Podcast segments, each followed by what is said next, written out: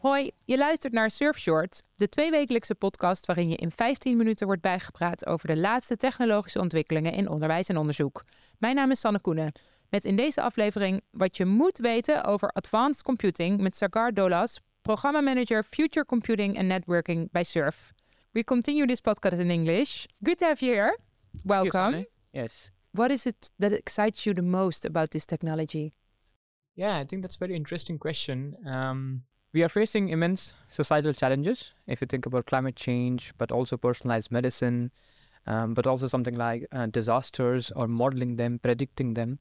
Um, and if you think about uh, societal transformations that we want to go through, like digitization of education, but also energy transition, um, it requires um, immense amount of computing to come together.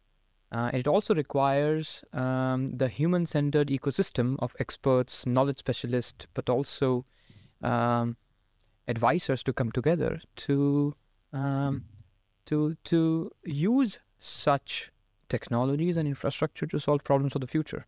And I'm being lucky to be part of such initiative. So I might, sorry if I don't have the exact answer, but this is something that inspires me. Oh, it is actually inspiring because I think most of the people will recognize these kind of big global issues that we have to address. Exactly. Um, and advanced computing can help us with that. Yeah, it can. So, yes. what is it? So in the past, computing used to be um, very straightforward. So you would come at Surf, you would say, I would like to have computing, you would get access to it, and you had uh, simpler scientific questions that you would want to solve using the computing uh, infrastructure. I think scientific questions of the future demand very different approach to how you compute. Uh, the scientific questions of the future demand integration and cohesion with emerging technologies like we have quantum, like we have AI, like we have XR, like we have edge, we have cloud. And all of these things have to integrate, have to work together, have to become interoperable to answer future scientific questions. And advanced computing is about how do we combine all of these things together to answer scientific questions of the future. Yeah, so that's that's how I would define advanced computing. So, what can we actually gain from this technology as a society or as a institution? Um, I think it's it's important to understand uh, where we need to go. Uh, it's also also important to understand uh, what are the major challenges in society. So before answering this question, we also have to understand where are societal transformations leading us. Uh, so one concrete example I was also telling you is about climate modeling. So uh, we want to have better climate models, better calculation on those climate models to be able to predict precisely what's the temperature, what's when is the uh, storm coming, uh, how is the weather changing in the Atlantic, how does it affect the local weather in Netherlands. Um, all of this, this needs to happen in the fast way, such that information could be transmitted, actions could be taken, and if there is an impact on lives, that could be saved. But it's still very difficult and you see uh, that it's very difficult yet to predict tsunamis or predict earthquakes or also even predict big cyclones that are coming up. So i think advanced computing needs to help us with quick action taking i think that's where we have to move uh, and this is where it can help but we have to but we have to make some efforts in that that regard so we have to combine uh, software engineers with technicians with experts such that such we can come at such results. Other example that I can give you is drug discovery and modeling. So you know that uh, we have been suffering with, or at least in the timeline of 2020 and 2021, there was a COVID 19 pandemic, um, and we had to come together as a community, as a science community, an education community, to think about vaccines. But uh, we do not recognize that a lot of the early designs of vaccines and the molecules and the drugs um, came out of rapid uh, virtual testing in the supercomputers. The first combinations were tested in the supercomputers and then they came in the lab.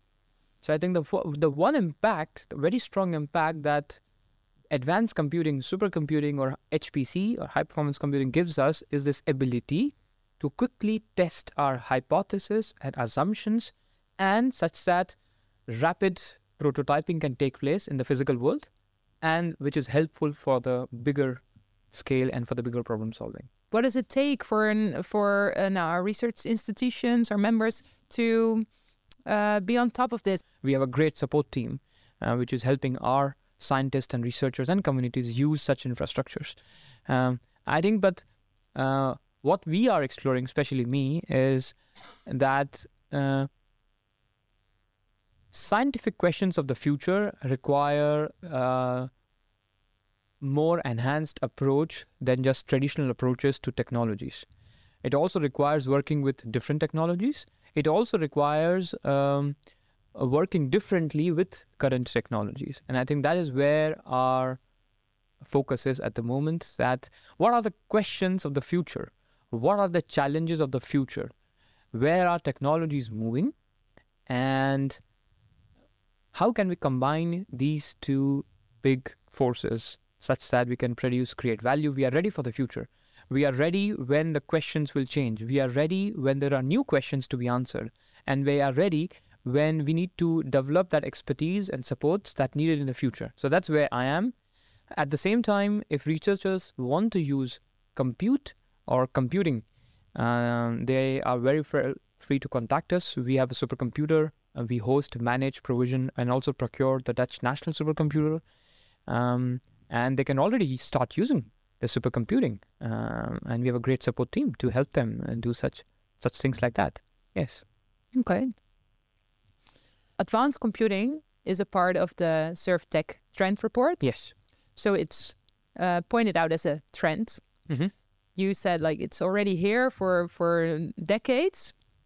So we have a lot of experience in it. Why is it a trend now? Advanced computing part of the Surf Tech Trend reports is one of the directions, uh, and there are few key drivers which are becoming important in the future. Um, and some of these trends we need to understand and we need to explore them and explore with them. Um, and the computing landscape is changing. And I think the primary motivation is that the scientific questions of the future are not as straightforward and as um, easy.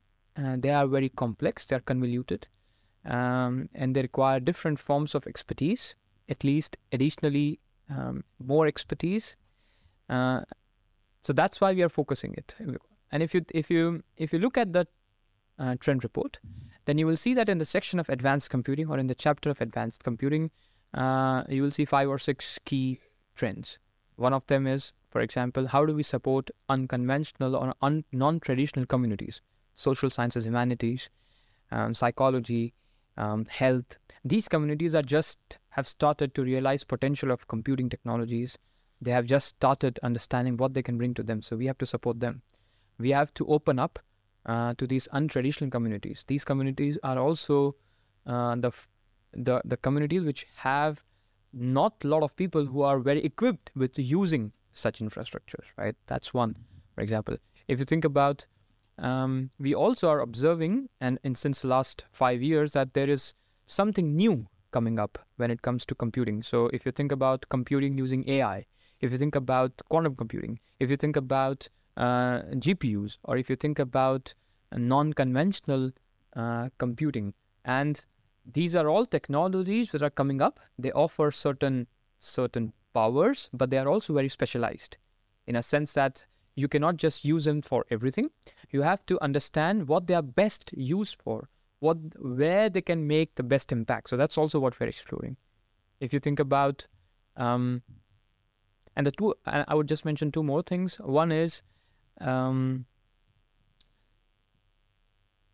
we also saw in the last one year that the global political landscape is changing um, and are uh, we are too much dependent on uh, computer chips as a society for doing almost everything mm-hmm. from navigation to weather forecast to ordering food uh, to make sure that you can attend online meetings uh, to travel in cars to book for trains mm-hmm. to see the schedule and it all depends on semiconductor uh, chips And we see that uh, in the last five decades, we have built global supply chains of semiconductor chips.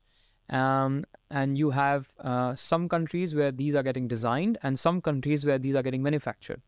And uh, this is a risk because then um, uh, It's vulnerable. yeah we are vulnerable to um, so sovereignty autonomy is also one of the things that is very important for us um, for a certain geographical region that uh, if a political landscape changes you're not too much at risk. So that's one thing. And the last thing is energy. Uh, we are consuming humongous amount of energy when we compute. And that, that realization is not yet there uh, with the communities who are at the forefront of doing computing. Um, so we are also trying to understand how can we bring up energy as a topic, or how can we bring uh, energy as a design principle for future of computing. Um, and the last thing I would say is that we are, I mean, advanced computing is not just any technology; it's an umbrella, it's a concept, and um, it has it also involves AI. It actually it involves working with AI, it working with quantum computing, working with the networks. Um, it work. It is about working with edge and XR. So I wouldn't pinpoint advanced computing as one set of technologies.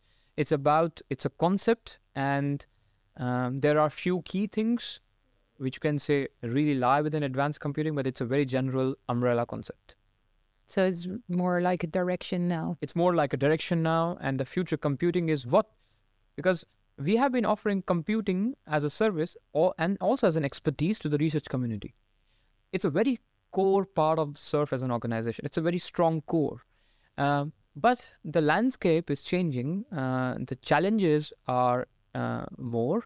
Um, the kind of questions scientific community wants to answer are different. There are emerging communities which require computing, and all of this require different way to look at computing. And you also have technologies, and you would like to take advantage of technologies to answer scientific questions of the future. But for that, it's not just about technology integration, it's also about developing expertise to work with such technology integration. And that's what we are trying to explore. And then also, we have to explore dimensions of societal dimensions, uh, political dimensions, um, dimensions of sovereignty, autonomy. Uh, so I would say it's not just a technological question.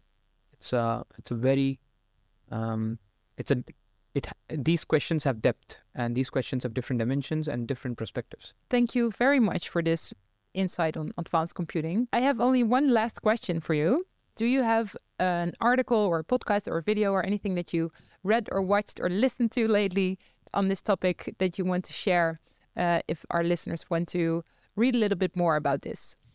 Well, um, I don't listen to a lot of podcasts myself. well, you have to start now with this one. yeah, of course. Um, I think there are a lot of people talking about future of computing. Um, one book I have been reading recently is um, it's called Chip War: Fight for the World's Most Critical Technology, and it's written by Paul Kennedy.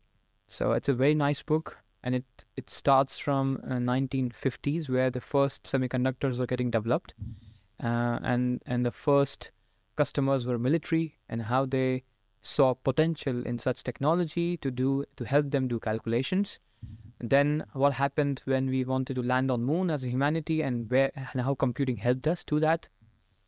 Um, and until now where uh, geopolitical tensions um, our um, our coordination and our communications with different geographies rely on such critical technologies and we uh, in netherlands uh, find ourselves at the center because we um, here have ASML, and ASML is the company which manufactures machines which can manufacture the semiconductor chips. So we are one of, I mean, we find ourselves at the center of this uh, geopolitical discussion. So it's a very interesting book, um, and I, I I have been referring it for some additional perspectives. Thank you for your tip. Wil je nou meer weten over advanced computing? Kijk op Surf.nl of volg de tip van Sagar. Je vindt de link in de show notes. Dit is een productie van Surf, de samenwerkingsorganisatie op het gebied van digitalisering in onderwijs en onderzoek in Nederland. Deze podcast werd gemaakt door Marieke van Dijk, Jan Michielsen, Philip Stijn en Sanne Koenen. Dit was de laatste aflevering voor de zomer. Wij gaan lekker met vakantie. Ik hoop jij ook. In september zijn we er weer. Heel graag tot dan.